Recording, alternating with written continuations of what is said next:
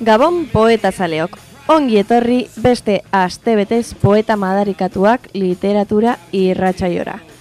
Beno, berriro ere, barkamena eskatu behar dizuet horren besterako denbora tarte hartu izanagatik saio bat eta bestearen artean. Bueno, aurten e, zoruen paren abil eta ezin izan dizuet aurrerago programarik eskaini, beraz, bueno, tokatzen denean, tokatzen da.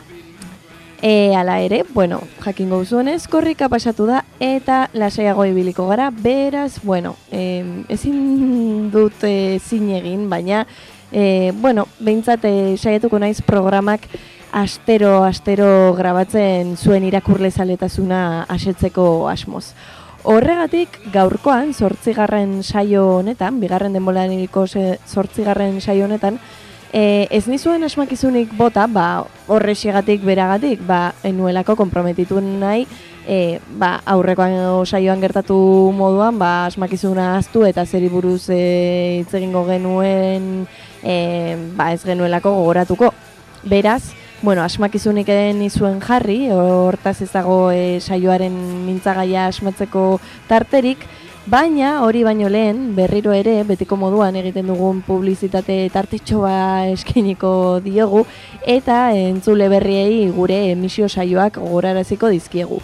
Ale batetik, poeta madarikatuak literatura irratsaioa astero, behintzat saietuko nahi mendik aurrera astero izaten, igandero, gaueko bederatzietatik amarrak arte alabedi baten entzungai izango duzue. Eunda zazpi puntu lau e, e, zarean edo. Eta e, saio hori galdu baldin bauzue, ba, errepikapena izango duzue alabedibi kanalean, laro gaita sortzi puntu sortzin, aste artero, gaueko bederatzietatik amarretara. Hori galdu baduzue, bai gandekoa, bai aste artekoa, ba, bueno, beti, beti, beti, eskegita egongo dira alabedi.eus webgunean. Gainera, orain alabediko webgunea berritu dute eta errazago eta politago ikusiko dituzue irratsaio guztiak. Beraz, ja ezako zue inungo aitzakiarik poeta maderekatuak literatura saioa entzuteko.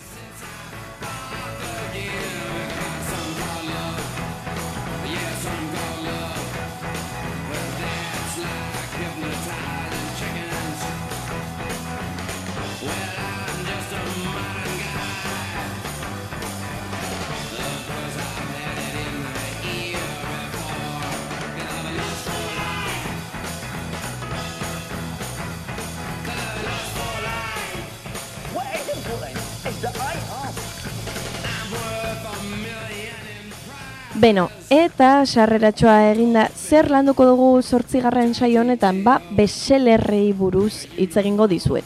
Bai, beselerrak. Ematen du, betiko moduan, ba, aurrekoan komik egintzari buruz aritu ginen moduan, ba, aurre iritzeak daudela, eta beselerrak ez direla literatura ona, eta ba, saiatu naiz, gaurko saio honetan, beseler onak edo ekartzen. Eta e, nik uste guztiok e, gaurkoan landuko ditugun liburuak ezagutuko dituzuela behintzat entzunda ere. Hala ere, e, aipatu beharra dago beselerren e, fenomenoa oso oso bogan dagoela mm, duela mara urtetik ona batez ere, eta e, ba hori aurre iritziak aurre iritzi, ba, ez dela fenomeno oso maitatua ba, irakurle zalearen e, artean. Ez lehen da biziko irakurketak egiten dituen zalearen zat, baizik eta, bueno, urteak eta urteak irakurtzen ibili ondoren, ba, bueno, kriterio eta e, perspektiba eta kritika landua duen irakurleari arraro egiten zaio bestseller e, delakoa. Esan beharra dago, marketing termino bat dela, mm, besterik gabe, bestsellerritza jartzen diotenean liburu bati edo obra bati edo autore bati, e, gehiago saltzeko teknika bat da horrek ez du esan nahi beseler guztiak beselerrak direnik, noski. Hala ere, gaurkoan ekarri dizkizu edanak, e, bueno, sekulako fama izan dute eta milaka eta milaka ale saldu izan dituzte. Beraz, gaurkoan hori izango da gure gure gai nagusia. Eta nola landuko dugu edo ze autore eta ze obra landuko ditugu sortzigarren saio honetan? Ba beno, Hasiera hasieran e, mango izuet horrelako zerrendatxo bat zeintzuk diren e, ba, beselerrik famatuenak edo guzti guztiok ezagutzen ditugu. Bat izan ezik agian, titulo bat izan ezik beste guztiak ezagutzen ditugu. Ez dakit irakurri ditugun edo. baina ezagutu behintzat bai. Horren e, ostean, atzerreko literaturarekin hasiko gara bete-betean, eta, e, bueno, Alessandro Barikoren seda lanari buruz hitz egingo dizuet, baita pelikularen trailerra jarriko dizuet ere, eta, e, bueno, Alessandro Barikoren e, seda, mm, esan beharra dukat hau guztu zabutatu dela, nire eleberri gustukoenen e, artean kokatzen da Alessandro Barikoren, bueno, mm, lan nagusi hau, eta horren inguruan hitz egingo dugu. Barikotik Agatha Christira joango gara, beste genero oso desberdin batera salto egingo dugu, eta And Then There Were None, edo Diez Negritos, edo Inok edo Nadie, eta horrelako tituluen bidez ezaguna den bere, bueno, lanik e, garrantzitsuen ari buruz hitz egingo dugu. Eta azkenik e, bestelako salto bat eginez, Gabriel García Márquezen 100 años de soledad buruz hitz egingo dizuet ikusten duzuen moduan, guzti guztiok ezagutzen ditugun edo entzun ditugun e, izenburuak ekarri izkizuet. Horretatik eta hortik abiatuta eta bueno, betiko moduan e, musika psikodeliko eta distortxoarekin e, lagunduta, Sofiaren e, Jostengarderren e, Sofiaren mundua edo el mundo de Sofiari buruz hitz egingo dizuet. Azken aldi honetan filosofia irakasgaian eskolan e, bueno, derregorrezko irakurgai bihurtu den hori, nire garaian ezen derregorrezkoa, baina e, zinez hau sedarekin batera, ba, guztuz e, hautatu dut, eta uste dut oso lan e, azpimarragarria dela. Hortik e, beste salto bat emango dugu, eta Agatha Christieren antzeko beste idazte bati buruz hitz egingo dizuet, Dafne du Murierri buruz, aurreko batean e, honen inguruan hitz egin genuen, mi prima Rachel liburua hitz egin genuen, Eta oraingo honetan Rebeka lana ekarri dizuet, bai, Hitchcockek gero pelikula bihurtu zuena. Hortik, e, beste genero oso desberdin batera salto egingo dugu, e, aur literaturara zuzen ere, eta Moriz sendaken donde vive los monstruos edo piztiak biziren lekuaz hitz egingo dugu. Aurreko saio batean ere hitzen genuen, baina e, nik uste, ba, bueno, ez dela inoiz e, gauza txarra morizendaken e, lanari buruz eh, hitz egitea. Eta azkenik, e, bestelako musika aldaketa baten eskutik, azken obrari buruz hitz egingo dizuet, eta Haruki Murakari, Murakamiren Norvegian Bud, edo Tokyo Blues izeneko eleberriaz e, mintzatuko dizuet, eta, e, bueno, Honekin e, polemika pur bat e, piztu nahi izan dut eta ikusiko duzu gero zergatik piztu nahi izan dudan. Beraz, hortxe duzu gaurko planteamendua, egande arratsalde gau parte honetan, ba bueno, divertigarria izango zaizuelakoan, ba beselerren, e, bueno, alorra edo, e, bueno, bai, zera e, mundua edo e, munduan murgilduko gara, eta autore oso interesgarri eta obra oso interesgarrien bitartez. Beraz, prest, zaudete, gaurko saioari ekiteko.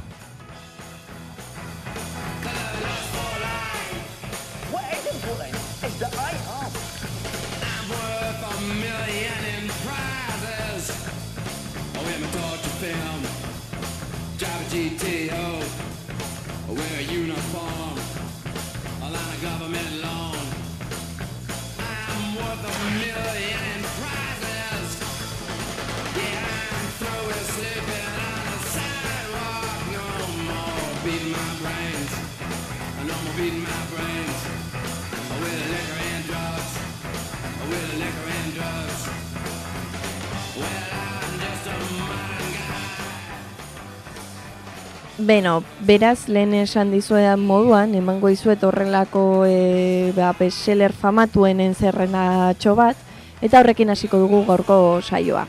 Bestseller hitza ipatzen dudanean, nik uste, bueno, agian e, aurre ditziz betetako liburu eta autoreak e, datorzkigula burura. Eta egia da, ba, bestseller lehen aipatu da moduan e, hitza, ba, marketingak e, asmatutako hitz bat dela, eta gaur egunia e, dozein gauzari edo dozein lani atxiketzen zaiola adjetibo hori. Batez ere, ba, ale gehiago saltzeko asmoz. Ze jendearen e, kriterioa ba, lotzen da. O, beseler bat da orduan ona izan behar du. Eta hori ez da bat ere justua eta ez da egia gainera, mm, asko saldu den obra batek ez du esan nahi ona denik, beraz, kontuz termino hoiekin. Beraz, bueno, besilerren e, alorrean, besiler aipatuko dut askotan eta aipatu nahi dut ale asko saldu dituen lana. Baina horrek ez diola kendu kalitatezko lana izatea. Beraz, e, menezut eta sentitzen dut gustatzen balin bazaizue, baina 50 sombras de grei eta horrelako lanak ez ditut aipatuko. Mm, sentitzen dut, eta gustatzen balin bazaizue, ba, behon deizuela, baina ez ditut horrelako lanak e, mena txikituko. Beraz, e, topatu dute interneten, ba hori, salduenen artean, adibidez, Don Quixote, dagoela Miguel Cervantesen e, obra nagusi, nagusi hori, milaka eta milaka ale saldu dituena, bueno, aparte utziko ditut lan erligioso guztiak, Bibliak, Oran, Tora eta horrelakoak. Beraz, e, literaturari ertxiki, atxikitu, atxikitzen badiogu, ba, Don Quixote ere Miguel de Cervantesen Don Quixote hortxe dugu, ezakite irakurri duzuen, niri adibidez DBH irugarren mailan egokitu zitzen lan hau e, irakurtzea, ama bostu urteekin enuen ezer ulertu, baina gomendatzen dizuet hori gertatu baldin bazaizue, berriro hartzea eta beste bigarren aukera bat ematea. Ea zelakoa iruditzen zaizuen helduagoak zaretenean. Bestetik badugu Charles Dickensen A Tale of Two Series edo bi hirien historioa oso oso eleberri klasikoa e, aurreko lan e, irratsaio batzuetan e, aipatu izan dugu, e, osaio batzuetan aipatu izan dugu. Beraz, bueno, Charles Dickensekin animatzen bali mazarete, liburu honek merezi du eta literaturan e, gogoan ditugun liburu hasiera gogoan garri bat ere badauka. Eta beraz, behintzat ez bauzue osorik irakurtzen, irakurri hasiera. Horretaz gain ere badugu, bueno, Tolkienen The Lord of the Rings edo eraztunen e, jauna, trilogia oso ezaguna, pelikulak egin dira, eta bueno, guztiok ezagutzen dugu gaur egun Tolkien. E, zerrenda honetan ere agentzen da Tolkienen The Hobbit. Hori ere ezaguna e, gero beste lan bat, niri bereziki gustatzen zaidan lan bat, Antoine de Saint-Exupéryren e, printze txikia dugu bertan, eta, bueno, e, mi aldiz hitz egin dugu honen inguruan, eta mi aldiz gomendatzen dizuet irakurtzea. Bestetik, bueno, gaurre landuko dugun beste lan bat agertzen da beti, beti, beti, bestsellerren zerrendetan eta Agatha Christieren anden there were none. Gero hitz egin dugu sakonago liburu honen inguruan, ze merezi du e, irakurtzea, gainera pelikula asko egin dira, eta maostean, baino bertxio zar oso on asko egin dira, beraz, bueno, gomendatzen dizut irakurtzea, gainera oso erraz irakurtzen da, eta oso entretenigarria da. Eta, e, bueno, badaude noski Harry Potterren e, sagako liburu e, guztiak. Lehenengoa bereziki, beraz, bueno, norkezu Harry Potterren saga gaur egun ezagutzen eztabaidagarria da kalitatearen aldetik izan daiteke, baino beselerra e, aleak saldu dituela ezin da eztabaidatu. Eta gero, kao xuekinen e, The Dream of the Red Chamber ere agertzen da. Ba, asian egindako beste leberri bat, agian ez ezagunagoa dena, baina oso oso gomendagarria.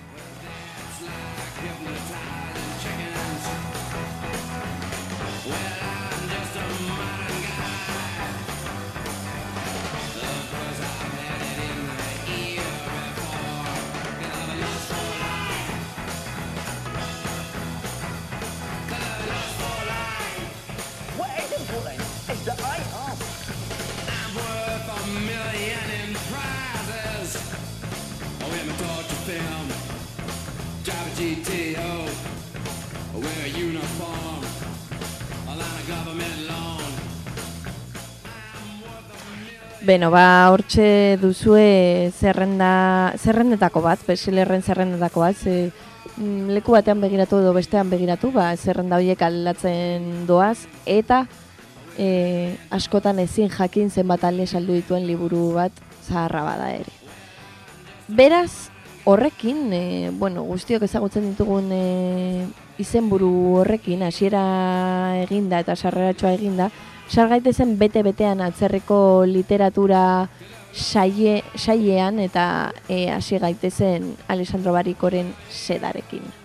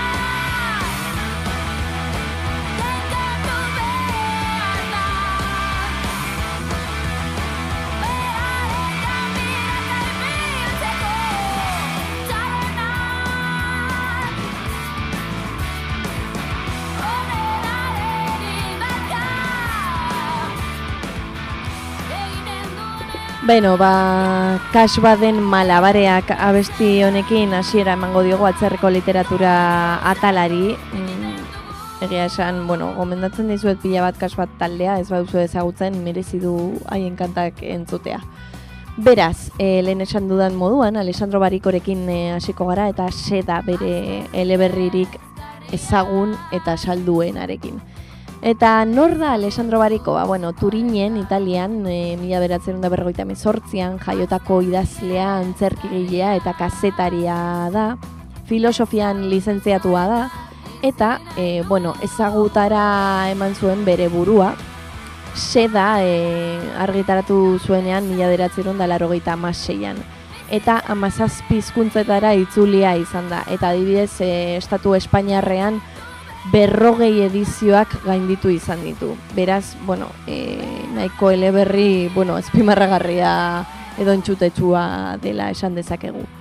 E, Alessandro Barikoren kasuan, egia da, ba, bueno, e, bere lanak ugariak e, direla, eta bere, bueno, sariak ere ugariak e, izan dira, e, oso autore famatu eta errekonozitua da gaur egun, baina badu hor betxikeriatxo bat eta da e, elkarrizketak ematea gorroto duela. Eta adibidez e, bere lan, lan bate aurkeztu behar izan zuenean, ziti izeneko eleberri aurkeztu behar izan zuenean, ez zuen elkarrizketa aurrez aurreko elkarrizketarik egin eta internet bidez egin zuen promozio guztia ze gorroto du medioen aurrean e, bere burua ikustea. Eta bere estiloari dagokionez, ba bueno, errealitatea eta ametxen mundua ba bueno, nahazten dituen e, eleberri gilea da. Eta e, bueno, bai erregistro eta horrelako e, bere eleberriak ez dira linealak eta erregistro ezberdinak lantzen ditu eta horretaz gain ba espero ez ditugun ba ustekabeko ekintzak sartzen ditut artean, ematen du eleberri bat aidesedaren kasuan oso oso lineala izango da, bidaia baten e, historioa dela, protagonista badoa Japoniara, gero bueltatuko da, ezak zer, baina egia esan ustekabeko e, ba hori mm, gertakariak daude tartean eta beti-beti harritzeko gaitasuna dauka eta beti-beti irakurlea harrituko du Alessandro Barikok. Horretaz gain, bueno, gustatzen zaio asko e, desioen eta e, ametxen eta ezin e, ezin e, jabetu dezakegunaren inguruan hitz egitea. Hau da gure desioak, gure ametsak, gure pentsamenduak eta ezin ezinaren inguruan ba, asko jardun izan du eta bueno, nabaritzen zaio lizentziatua dela filosofian eta horrelako gai onirikoak eta e, ba, frustrazioak, desirak, ametsak, maitasun imposibleak eta horrelako gaiak asko gustatzen zaizkio eta nola pertsonaiak frustrazioaren aurrean nola jokatzen duten eta nola e, ba, ematen dieten irteera antxietate eta desira hoiei. Beraz, bueno, e, esaten den e, moduan oso estilo pertsonala e, garatu izan du. Eta bueno, bere garaiko artista handienetakoa izan da. Haien lanen artean, ba, bere lanen artean aipatzekoak dira, adibidez mila deratzen ondalaro eta maikan lehenengo tierras de kristal argitaratu zuen hori, gero bi urte ostean ozean omar, laro goita esan dugun moduan seda, laro goita meretzean ziti, eta gero sin sangre 2002an eta Homeroren Iliadaren ba, bueno, berrinterpretazio bat ere argitaratu izan du 2004an eta e, 2007an esta historia argitaratu izan du. Horretaz gain, bueno, badaude beste batzuk eta azken azken azkena 2006an argitaratu zuen eta izenburua da La esposa joven. Hala ere bere lanen artean nik azpimarratuko nituzke bai seda eta bai Mr. Win. Niretzat dira bere lanik gorenenak eta benetan istorioak e, harrapatuko zaituzte eta txundituta utziko zaituzte. Ze dira oso historio intimistak sentimenduetan zentratzen dira asko eta asko. Eta badute horre nolabaiteko ba konplizitatea irakurlearekin. Beraz Alessandro Bariko kezizue aurkezten mundu bat baizik eta mundu horren parte egiten zaituzte. Eta e, sedaren inguruan e, aritzen baldin bagara, bueno, labur-laburki sedaren e, ba inguruan esan dezakeguna da Herbe Jonkur dela protagonista, e, bueno, bidaltzen diote zeta bila Japoniara, bere emaztea bertan Frantzian uzten du, eta ze, zeta bila juten da Japoniara, eta Japonian e, klan bateko e, buruzagi batekin egiten du topo eta harremanan komertzialak berarekin egiten ditu. Eta bere geixa eta bere emaz, bueno, emaztea ez maitalia den emakumearekin maite minduko da. Eta nola harreman hori oso modu suotilean eta oso modu politean e, garatzen da. Eta nola bere emaztearekin duen harremana ere oso modu ikaragarrian garatzen den kontatuko digu Alessandro Barikok. Beraz, ezin duzue liburu hau galdu.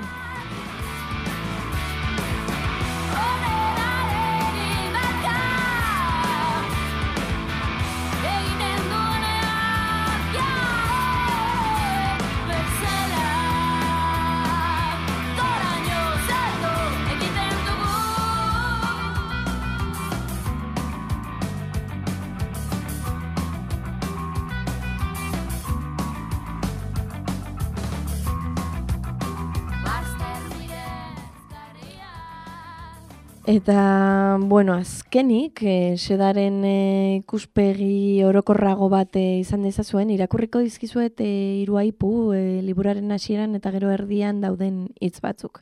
Beraz, seda horrela hasten da. Aunque su padre había imaginado para él un brillante porvenir en el ejército, Herbello Oncourt había acabado ganándose la vida con una insólita ocupación, tan amable que por singular ironía traslucía un vago aire femenino. Para vivir, Herbelloncourt compraba y vendía gusanos de seda. Hori da hasiera. Eta gero, irakurre nahi dizuet, hementxe dagoen e, zita. Solo la última noche, tras haber apagado la lámpara, halló fuerzas para decirle, prométeme que volverás, con voz firme, sin dulzura. Prométeme que volverás. En la oscuridad, Herbelloncourt respondió, te lo prometo. Eta azkenik, Herbelloncourt permaneció inmóvil, mirando aquel enorme brasero apagado. Tenía tras de sí un camino de ocho kilómetros y delante de sí la nada. De repente vio algo que creía invisible, el fin del mundo.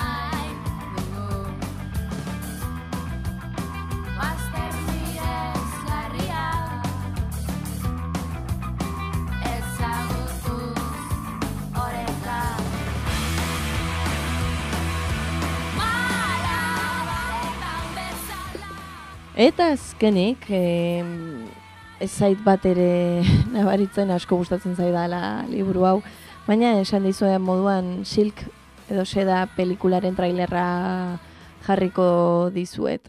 Trailerra edo pelikula 2007an egin zen eta bueno, Kira Knightley dauka protagonista. Beraz, ea gustatzen zaizuen.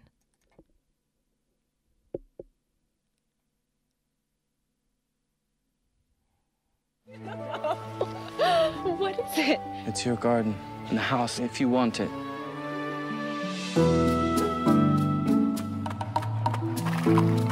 You know what this is?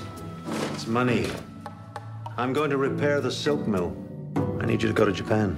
They make the most perfect silk there. The journey's long and dangerous. All you have to do is bring back the eggs. I cannot go. You'll be back by spring.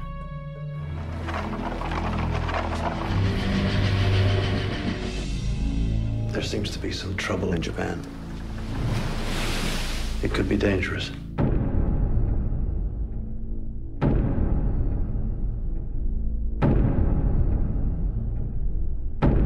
Who are you? I am a man of trade, that is all. She's quite something, isn't she? When you leave here, you will have what you want. May we continue to trade in peace. To our lasting friendship. Do not be fooled by his kindness. There is a price for everything. Japan is an ancient country. There are crimes here for which it is acceptable to condemn man to death. Now go and never return here again.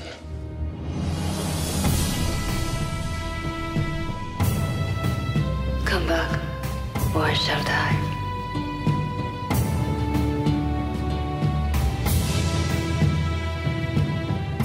Say it's chaos. It would be madness to go back there.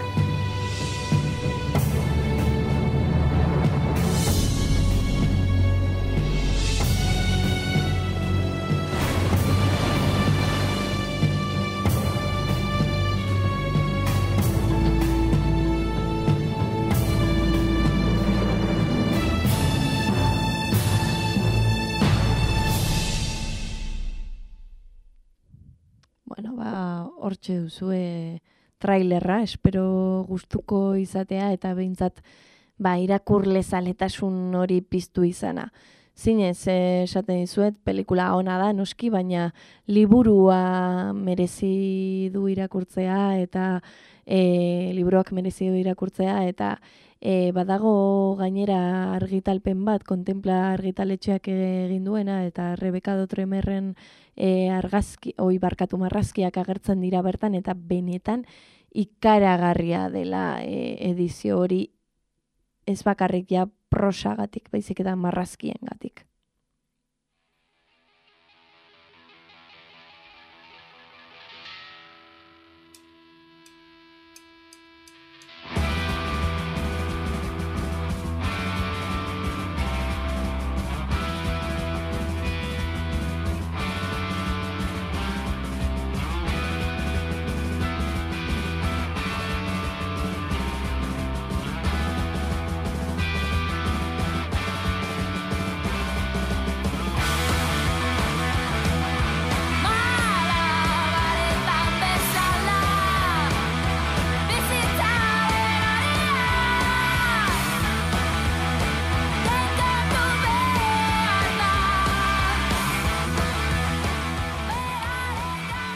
Beno, ba, Alessandro Barikotik sarrenan esan dizuedan moduan, Agatha Christira salto egingo dugu.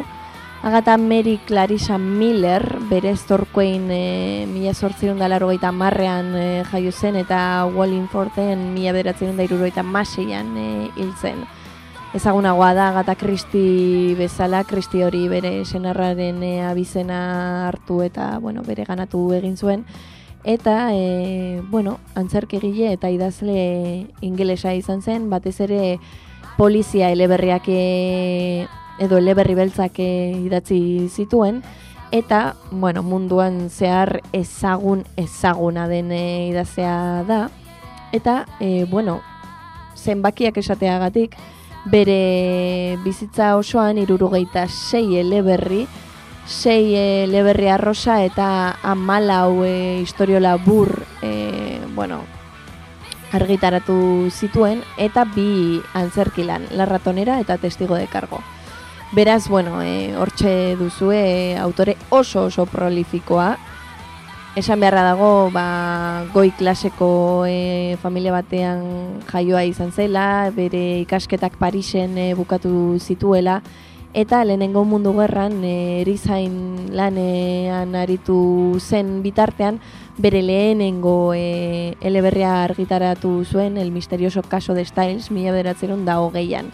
Eta ora agertuko da bere pertsonaia edo detektibe famatua, Erkil Poagot izenekoa. Horrekin batera bestelako pertsonaia ezagunak agertuko zaizkigu bere eleberrietan, adibidez Miss Marple eta Tommy eta Tupens Beresford. Hala ere, e, y no quedó ninguno and there were none, hasiera hasieran e, Ten Little Niggers e, izenburuarekin argitaratu izan zena, gero polemika piztu zenez, ba, e, izenburua aldatu behar izan zuten. Hori da bere eleberririk famatuena, bueno, lehian dago asesinato en el Oriente Expressekin. Beraz, bueno, hortxe duzue, e, bere lan ezagunena, e, mila beratzerun dago eta meretzian e, argitaratu zen, eta, e, bueno, umei kantatzen zaien e, abesti batean oinarritua dago. Eta bertan, ba, bueno, agertzen zaigun e, historioa da amar ez ezagun, edo berez ez ezagunak direnak, edo e, topatzen dira zeran e, uarte batean.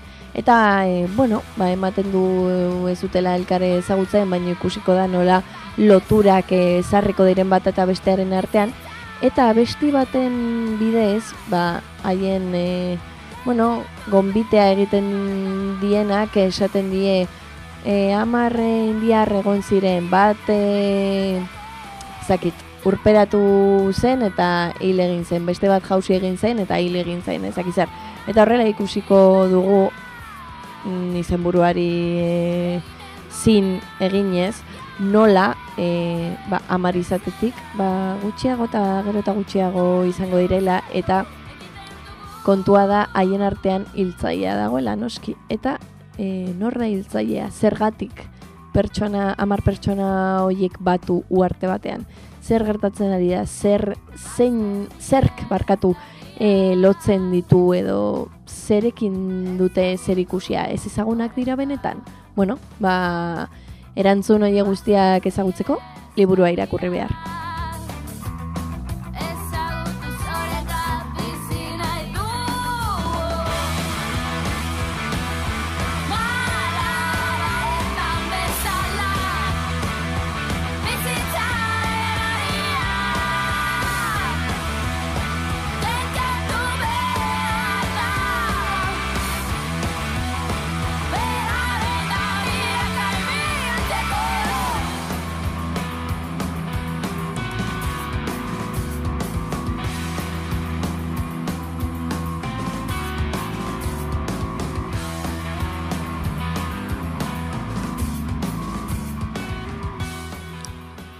Beno, ba, hortxe duzue gomendioa, pelikula pila bat egin dira Agatha Christieren eleberri hori oinarritzat hartuta, baina liburua benetan oso erraza da irakurtzeko, engantzaz dezaitu mm, lehenengo lerrotik, eta Agatha Christik daukan estiloa da zinez ona.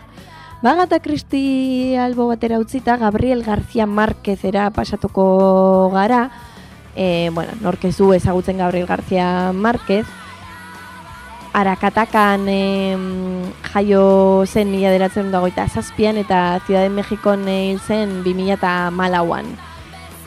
Idazle, gidoilari, editore eta e, kazetari kolombiarra dugu Gabriel García Márquez eta mila deratzen da laro bian e, Nobel saria, literatura Nobel saria eman zioten errealismo magikoarekin zuzenki, ego Amerikako errealismo magikoarekin zuzenki e, lotua dago, eta, bueno, bere leberririk famatuena 100 años de soledad da. Beraz, e, hortxe izango dugu eleberri oso oso famatu hori, zinez e, interesgarria izango dena, eta e, oraintxe, ba, bueno, azalduko dizueguna e, sakonki.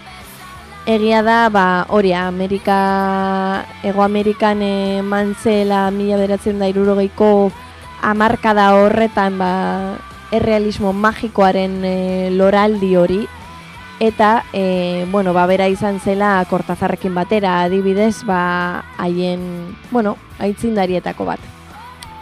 100 años de soledaden e, ba, zentratzen balin bagara, e, esaten da urte eta hilabete batzuetan e, idatzitako eleberria dela, mila deratzen da eta zazpian e, Buenos Airesen lehenengo edizioa atera zen, eta gaur egun, bueno, hogeita mazazpi hizkuntzetara itzulia da, eta e, hogeita bos milioi kopia baino gehiago saldu izan ditu.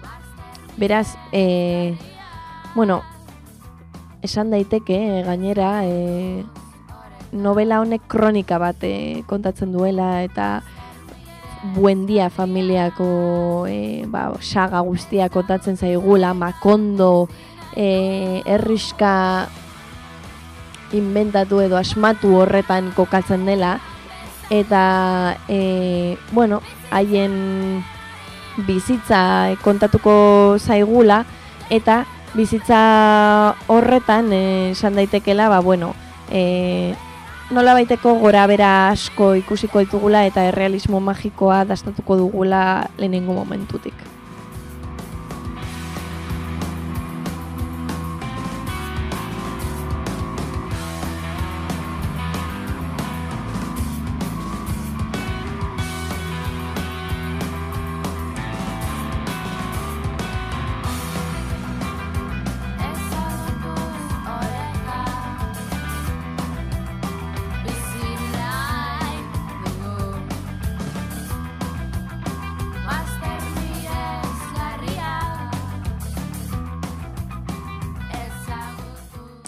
Bueno, eta azkenik e, Gabriel García Márquez eta 100 años de soledadekin, e, ba bueno, ziklo hau e, isteko edo, e, lehenengo lerroak irakurriko dizkizuet, mm, eta anekdotatxo bat e, kontatuko dizuet horrekin ze, bueno, lehenengo lerro hauek adibidez nire aitak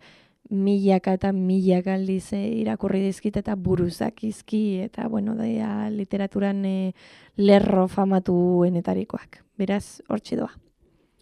Muchos años después, frente al pelotón de fusilamiento, el coronel Aureliano Buendía había de recordar aquella tarde remota en que su padre lo llevó a conocer el hielo.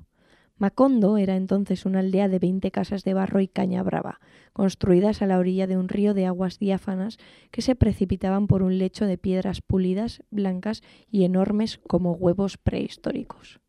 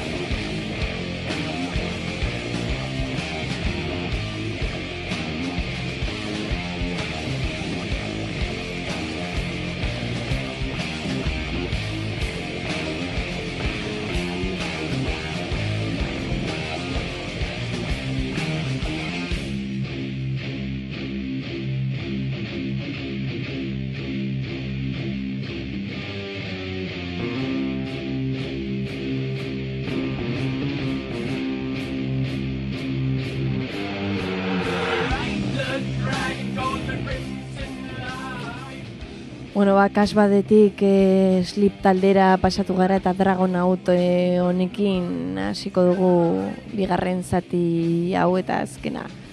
Beraz, Gabriel García Márquez, Agatha Christie eta Alessandro Barikoren ostean, Josten Garderren, e, bueno, denbora iritsi da. Josten Garderren e, izena aipatzen baldin baizu eta agian ez ezaguna egingo zaizue, baina el mundo de Sofia edo Sofiaren mundua aipatzen baldin badut, agian ezaguna egingo zaizue. Bueno, Oslon, mila bederatzerun da berrogeita amabian jaiotako idazlea da, filosofia eta ideien historioan e, oinarritutako edo trebatutako irakaslea izan zen hamar urtez, eta mila beratzen da laro eta seian liburuak eh, argitaratzen eh, hasi zen, eta bueno, Norvegiako eh, kritika eta literatura saria jaso zuen laro marrean, el misterio del solitario eleberriagatik. Hala ere, Sofiaren munduarekin, mila beratzen da laro malauan argitaratutakoa, izan zen e, sona iritsi zitzaion momentua eta bestseller e, bat e, bueno, bilakatu zen lehenengo lehenengo momentutik. Beraz, e, bueno, baditu e, lan asko, La chica de las naranjas, e, El cuento de Navidad, El mundo de Sofía, El juego del solitario, Jaque mate, baditu eleberri asko, baina hau izan daiteke ezagunena. Hasieran aipatu dizuedan moduan, ikastetxe askotan filosofia irakasgaian derrigor bihurtzen ari da El mundo de Sofía. Eta zer kontatzen digu? Ba, bueno, Sofia mausturtikoen eskatxa honek e, ba, galderak egiten dizkio bere buruari eta e, hasten da ba hori bizitzaren zentzuaz, bizitzaren e, edo e, jendartearen e, torkizunari buruz, ideien e, inguruan hausnarketan e, hasten da eta horrelako maisu batekin topo egiten du eta maisuak ba, filosofiaren historia ia guztia saltzen dio oso modu e, errazean, oso modu ulerkorrean eta oso modu divertigarrian. Beraz, ezin duzue liburu hau galdu benetan e, filosofia interesatzen balen bazaizue edo ez bazaizue interesatzen filosofiaren historia eta gure kezka nagusienak nondik datozen ezagutzeko liburu aparta da.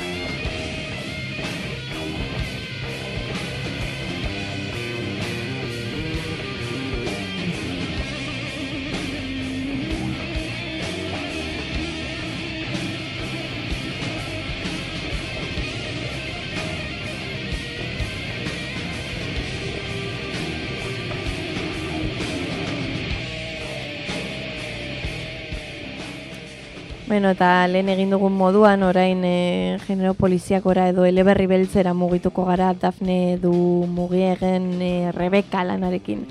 Aurreko batean, e, aurreko denboraldian, Dafne du murieri buruz hitz egin genuen, eta mi prima Rachel e, eleberria aipatu nizuen, baina hau da bere lanik ezagunena. Ez bakarrik Hitchcockek pelikula egin zuelako, baizik eta, bueno, ale pila basaldu zituelako, eta izan zelako benetako bestseller bat.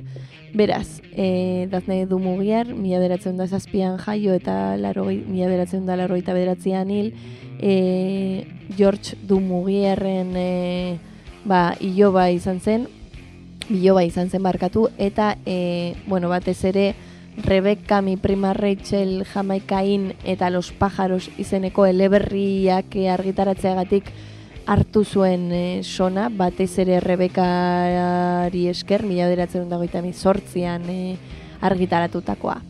Eta zergatik, e, bueno, zergatik e, hautatu dut hau, bueno, e, ja siera sieratik, mila beratzen dagoita sortzitik irurogeita bostera, iru milioi kopia saldu zituen hori da ikaragarria e, urte horietarako.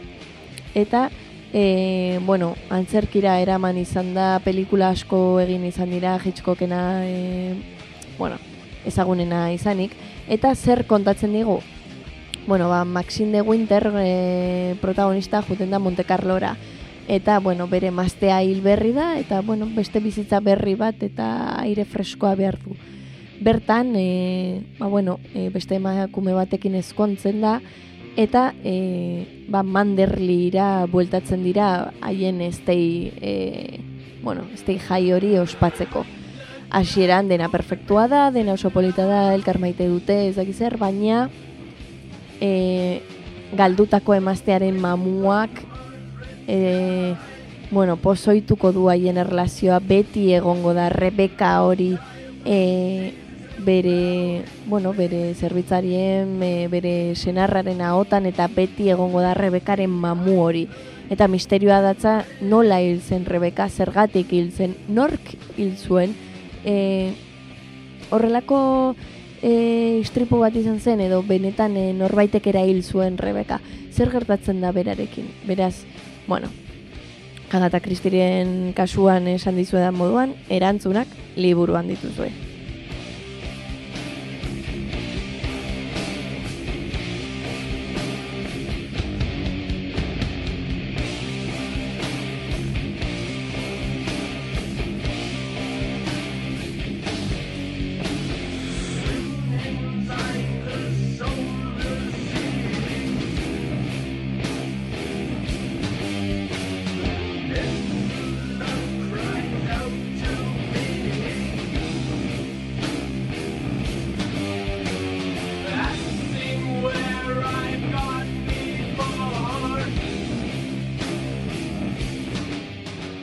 Beno, eta azkenik e, ideia argiago bat egin dezazuen, ba, Hitchcocken pelikularen trailerra jarriko dizuet, eta ea horrekin gogoa pizten zaizuen.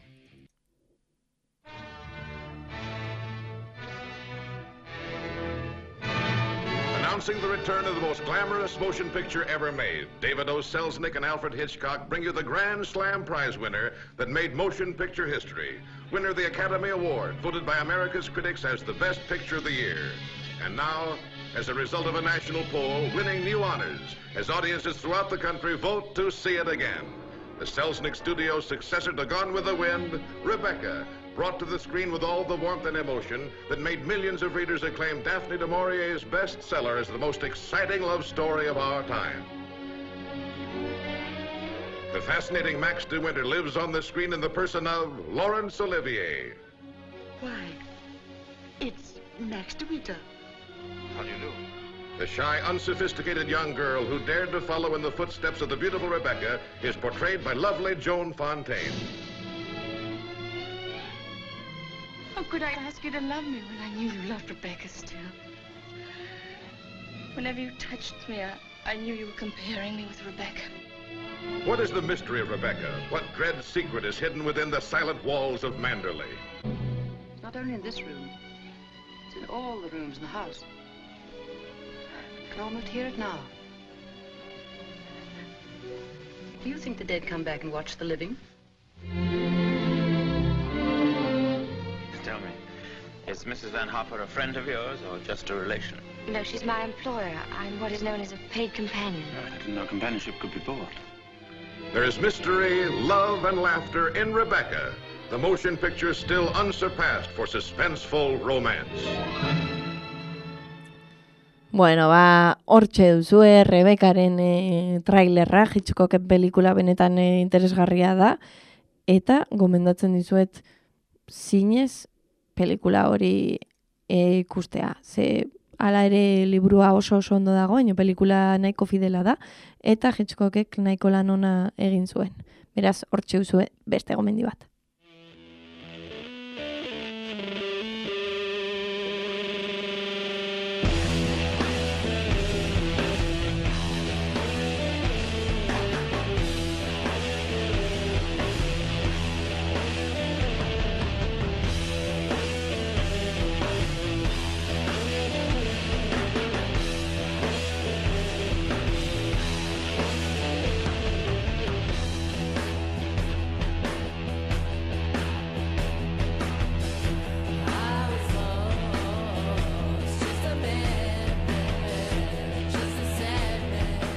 Eta azkenik witchen sier honekin e, azken satitxoari helduko diogu eta honetan bi eleberri, bueno, e, aurre liburutxo bat e, aurre literaturaren e, alorrean mugitzen den liburutxo bat ekarri dizuet eta bestea, bueno, eleberri oso ezagun bat. Beraz, lehen esan dizuedan e, moduan, Moriz zendaken pizteak bizi diren lekuan ekarri dizuet. Eta nor da Moriz zendak? Ba, bueno, New Yorken e, mila beratzerun dagoita sortzian jaio, eta konektikaten 2008an e, bueno, hildako ilustratzaile eta idazlea dugu Moriz Bernard sendak. bueno, e, jutar e, familia poloniar batean eratorria oso oso e, bueno, aurtzaro zaila izan zuen, e, askotan gaixotu egin zen, eta Walt Disneyen fantasia pelikula ikusita berak aitortu zuen ala, ba, e, erabaki zuen marrazkigile izatea. Bere lanik e, garrantzitsuena esan dizuedan moduan, piztiak bizi diren lekuan dugu. Mila bederatziren da irurogeita iruan argitaratua. Eta, bueno, e, bere mm, irudiak guzti guztiok noiz baita ikusi ditugu, zinez ederrak dira, eta historia zentratzen da Max e, protagonistan. Maxek, e, bueno, mm, ba, nahiko jarrera bortitza dauka, eta e, ez dio bere, bere gurasoei eta batez ere amari e, kasurik egiten, e, gaiztakeriak egiten da bile egun osoa, eta, bueno, bere, bere balogelan, e, ba hori, zigortzen dute. Eta hori dela eta ba, piztiak bizi diren leku batera juten da eta bertan abentura ikaragarriak bizitzen ditu. Benetan oso oso politak dira irudiak, historioa oso polita da, i, sormenari nahiko e, tarte uzten dion e, historioa dugu eta zinez oso oso interesgarria den eleberria dugu. Beraz, ezin duzue galdu.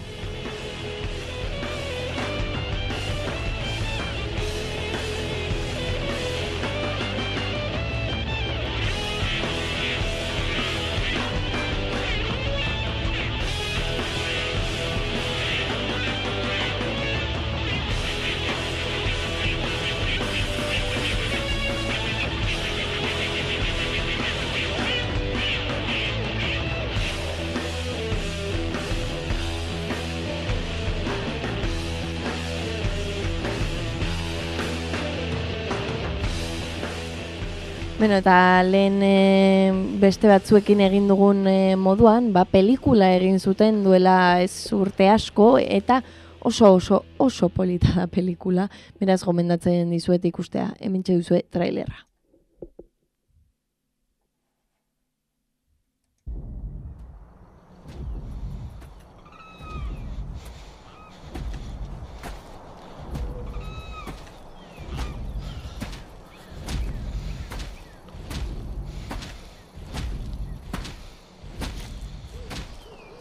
Want to wake you up, but I really want to show you something.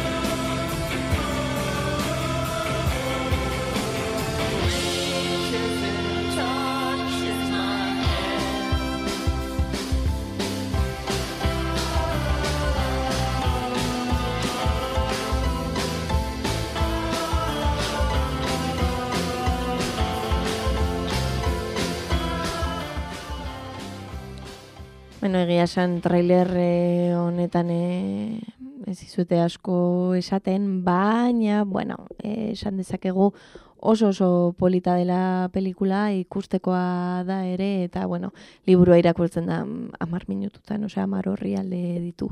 Beraz hortxe beste gomendiotxo bat.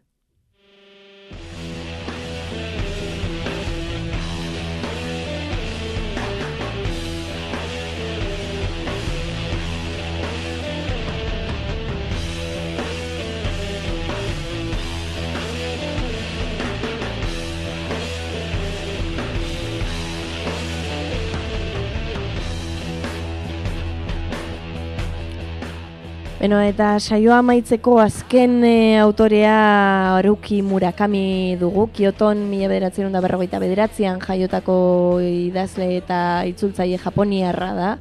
Eta, bueno, e, adibidez Franz Kafka edo Jerusalem e, sariak irabazi izan ditu bere lanengatik, esaten da urtero argitaratzen duela liburu bat, edo iaia urtero, osea, bere lanak dira ugari ugariak, osea, e, bueno, bere biografi, bibliografia da ikaragarria. Eta, e, bueno, esaten da ba, oso postmodernoa dela, fatalismoaren e, alorrean mugitzen direla bere leberri guztiak, eta e, karri dizuedana da Tokyo Blues Norvegian Wood, bai Beatlesen e, abesti baten izenburua dauka, berak aitortua Beatles asko gustatzen zaizkiola mila bederatzen da laro eta seian argitaratu zuen, eta bueno, izan zen e, kriston arrakasta hasiera hasieratik.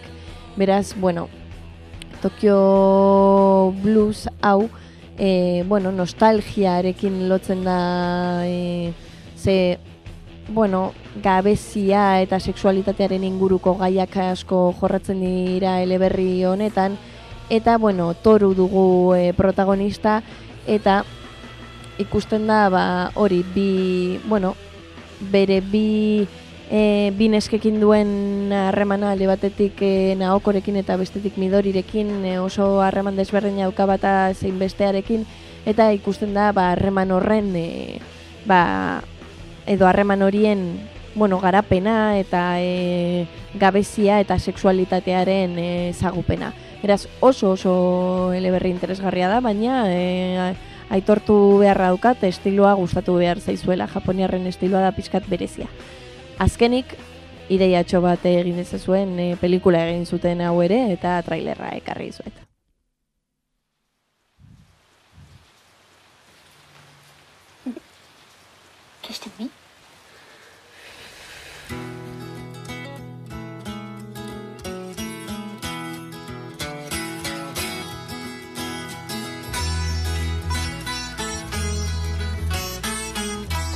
でもに行かない。いいですよやりに行きますか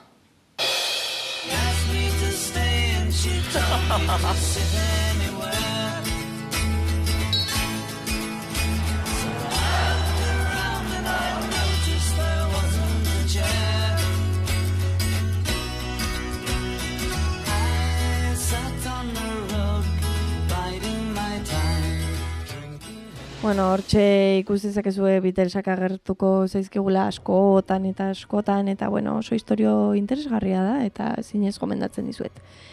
Eta honekin e, entzule maiteok bukatzen da dugu e, bueno, poeta madarikatuaken sortzigarren saio hau espero dugu gustagarria iz, gertatu izana interesgarria ere bai eta bueno, gomenditxo ematen badizuegu, ba, aurrera oso ondo pasa astea, ondo hasi, e, kontuz eta eraman euritakoa bada espada, eta asko irakurri, urrengo astera arte.